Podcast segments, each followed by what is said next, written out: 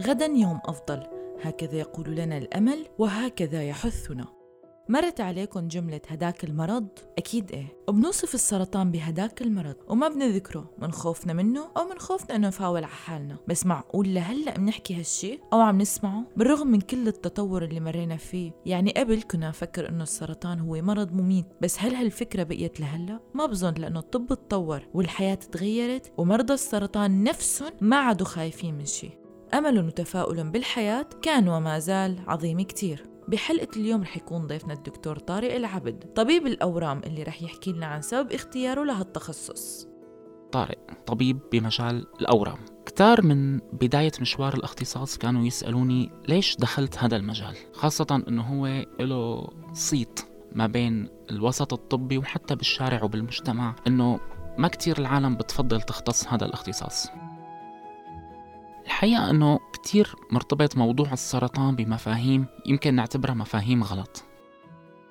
رح أرجع للقصة من البداية. 2009 كنت لساتني طالب جامعة. بجامعتي وقتها انعمل شيء اسمه يوم علمي. كان عن سرطانات الدم أو الليمفوما. وبعده بكم يوم كان في كمان يوم علمي عن سرطان الثدي. خطر ببالي سؤال كتير مهم وقتها. شو هذا السرطان؟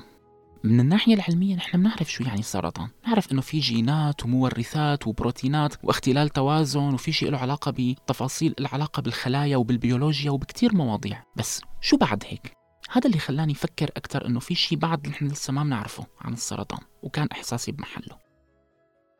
كبرت تخرجت فتت على اختصاص الأورام وكنا ثلاثة بس يلي مقدمين على هذا الاختصاص بكل سوريا. مشيت وتحملت كتير أسئلة كانت عم تنقال. إنه أنت بالنهاية عم تتعامل مع مريض سرطان. إنه أنت بالنهاية هذا المريض ممكن يكون محكوم عليه بالموت كونه تشخص بالسرطان. هي النظرة موجودة للأسف حتى عند الوسط الطبي وهي لحالها كانت إشكالية وإشكالية كبيرة كتير. لهيك فكرت إنه يمكن صار وقت هي المفاهيم تتصلح لأنه في مواضيع علمية وفي تفاصيل علمية بتتعلق بالأورام تغيرت 180 درجة عن شيء كان مطروح من قبل. مثلا صح في نسب أمراض كتيرة غير قابلة للشفاء بس صار عنا بالسرطان حالات قابلة للشفاء. صح في كتير أورام بتوصلنا بمراحل متقدمة وأحيانا كتير ما بنقدر نعطي شيء أكثر من علاج تلطيفي. هذا الكلام صح بس كمان الصح إنه في سرطانات تانية مثل سرطان الثدي، سرطان البروستات، أحيانا سرطان الكولون، سرطان عنق الرحم، صار فيهم برامج كشف مبكر وقدرنا إنه نحن نلحق هي الآفات من البداية، نسيطر عليها، نستأصلها جراحيا نعطيها العلاج وهدول المرضى يرجعوا يعيشوا حياتهم ويكملوا حياتهم وكأن شيئا لم يكن. بل منهم أشخاص فاعلة بالمجتمع أطباء مهندسين محامين فنانين إعلاميين صناع رأي كتار بالمجتمع انصابوا بالسرطان وانشفوا منه. هي كانت وحدة من كتير شغلات خلتني كتير أتحمس إنه في شيء نحن لسه ما بنعرفه بالسرطان. وإنه بالوقت يلي كتير موا عالم كانت عم تفكر إنه خلص السرطان هو حالة محكومة بالموت كانت مراكز أبحاث بكل العالم عم تتسابق لتعرف كيف ممكن نعرف هذا الشيء الأطباء ما عاد درسوا السرطان بل عم يدرسوا ويركزوا على حالة المريض نفسها. لليوم وصلنا لوحدة من التجارب واللي هي صارت موجودة بسوريا إنه ما عدنا ندرس سرطان بحد ذاته عم ندرس مريض بحد ذاته. مثلا بحالة سرطان الثدي ما عدنا ندرس سرطان ثدي عند السيدات.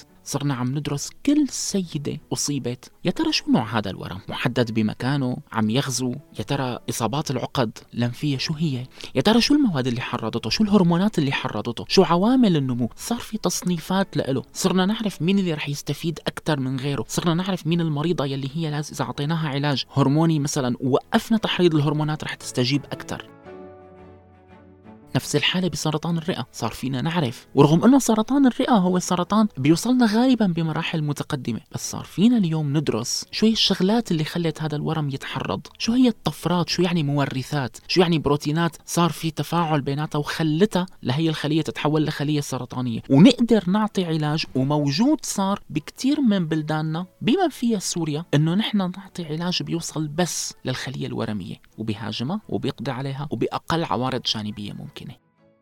وهذا هو الشيء اللي كنت عم بحكي عنه إنه في أمل.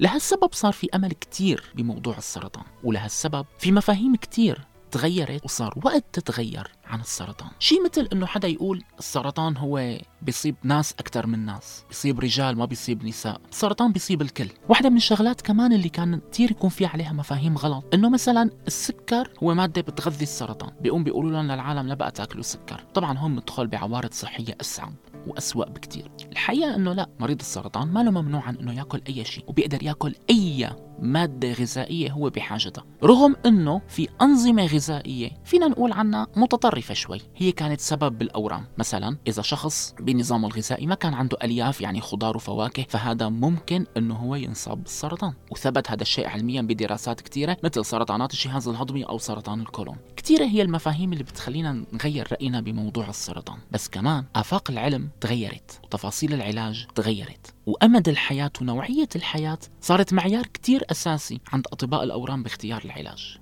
بصراحة النقطة اللي حكى عنها الطبيب طارق أنا حابة أحكي عنها شيء. أنا لحد اليوم بسمع أنه السكر هو مادة بتتغذى الخلايا السرطانية منها يعني مادة مساعدة لإنتاج أكبر عدد ممكن من هالخلايا. بس الطبيب طارق أكد لي أنه لهلأ ما في دراسة بتثبت هالمعلومة. وما فينا نمنع مريض السرطان أنه ما يتناول السكر لأنه وقتها بيصير معه هبوط سكر وهذا خطر كبير كتير على مريض السرطان.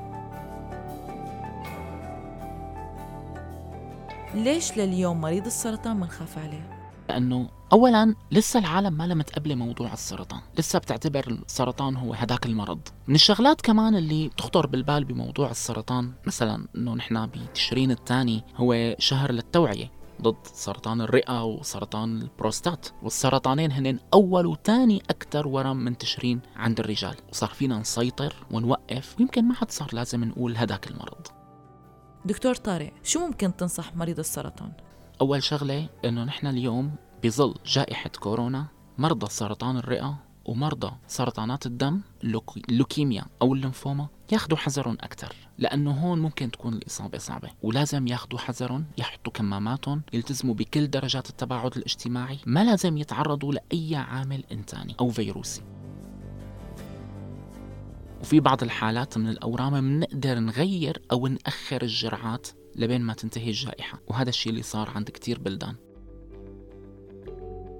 دائما في شغلة منقولها لمرضى الأورام يمكن هي فرصة لنرجع نتعرف أكثر على حياتنا وهي اختبار للطبيب قبل المريض ليرجع يتعرف أكثر على حياته على شغلات كتير يمكن قدر.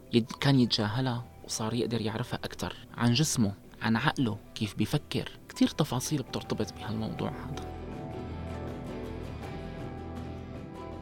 مجال طب الأورام هو أوسع من مجال له علاقة بس بتشخيص وعلاج. هو له علاقة بعلاقتنا مع المرضى وعلاقة المرضى فينا. بحالات كتير للأسف هي موجودة إنه باللحظة يلي عم يتشخص فيها سرطان بفضل جزء من الأطباء إنه ما بقى يتعاملوا مع هذا المريض وبيحولوه لطبيب الأورام. بوقت إنه هو بحاجة لأكثر من طبيب وهي مرحلة صعبة. ولهالسبب دائما بيكون في ضغط نفسي وجسدي على طبيب الأورام. والسؤال اللي حبيت أسأله الدكتور طارق هل يا ترى ندمت على تخصصك؟ أو لو رجع فيك الزمن لورا ترجع بتختص بنفس التخصص؟ بعد خمس سنين من التخصص بمجال الأورام هل يا ترى طارق ندم؟ لا. هل يا ترى لو سنحت لي الفرصة كنت غيرت اختصاصي؟ كمان لا. يمكن لأنه في جوانب دائما إيجابية. لما يتحقق نسب شفاء لما مريض يتشخص له سرطان ويتعالج وينشفى ويرجع يمارس حياته يرجع يشوفنا بالطريق أو يسلم أو ناخذ صور مع بعض أو يرجع يعيش حياته. يمارس حياته كطبيب كفنان كرسام كنحات كممثل كمغني كصانع قرار. قد إيه بتكون نسبة وحالة عالية جدا من الفرح والسعادة إنه عملنا إنجاز بالحياة؟ هذا الشيء يمكن اللي لمسته بالأورام وهذا الشيء اللي خلاني أتشجع إني كمل وضل عم كمل ومع إنه عددنا قليل مو بس بسوريا وبالوطن العربي وبالعالم نحن عدد أطباء الأورام قليل بس النتائج عنا صارت إيجابية.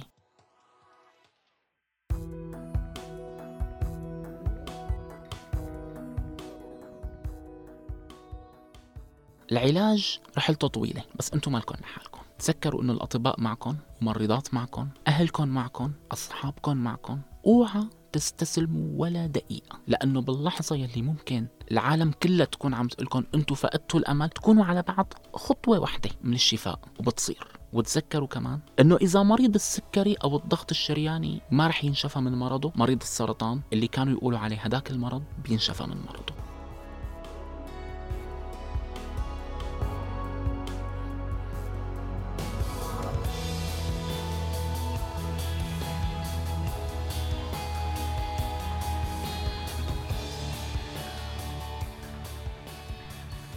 يا الله ما أحلى هالحكي. لما تسمعوا من شخص موثوق إنه في أمل ويأكد هالشي يعني ما مجرد إحساس بالعكس هالشي مع دلائل علمية بتحسسنا بأمان وراحة بإنه أملنا ما حيضيع هيك. خلوا أملكم بالله كبير وخلوا ضحكتكم عم تملي حياتكم وما تسمحوا للسرطان أو غيره يكون هو محور حياتكم حياتكم ومستقبلكم وكل شي بتعيشوه إلكم ضحكتكم وأملكم لحالة دنيا أصدقائي بتعرفوا إنه نحن اللي بنحتاج مرضى السرطان. بقصد على قد ما عندهم قوة وأمل بالحياة على قد ما نحن محتاجين نتعلم منهم ولو جزء بسيط من طاقة الأمل اللي عندهم. هاي كانت حلقتي لليوم من بودكاست حكايتي مع السرطان. كنت معكم أنا غيداء مراد آغا. استنونا بحلقاتنا الجاي مع ضيف أو ضيف جداد. بثبتوا لنا إنه لسه في أمل وبكرة أحلى. سلام!